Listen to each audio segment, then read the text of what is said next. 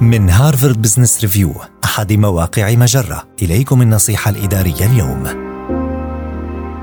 تعلم بناء قصة تقنع من خلالها الآخرين. إن رواية قصة مقنعة هي الطريقة التي تبني من خلالها المصداقية لنفسك ولأفكارك في مكان العمل وتلهم بها الجمهور وتقود المؤسسة، فسواء كنت تحتاج إلى إقناع زميل أو فريق أو مسؤول عن التوظيف أو جمهور مؤتمر، فإن رواية القصص المؤثرة هو أمر في غاية الأهمية.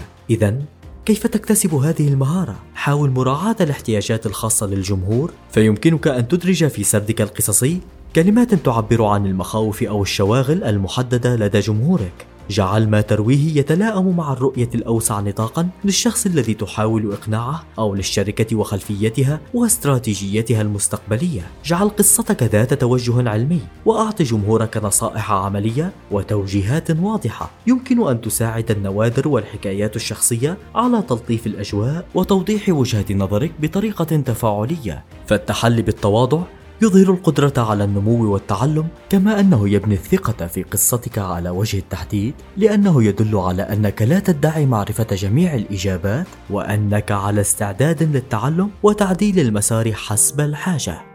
هذه النصيحة من مقال طريقتك في رواية القصص يمكن أن تبني قدراتك القيادية أو تدمرها.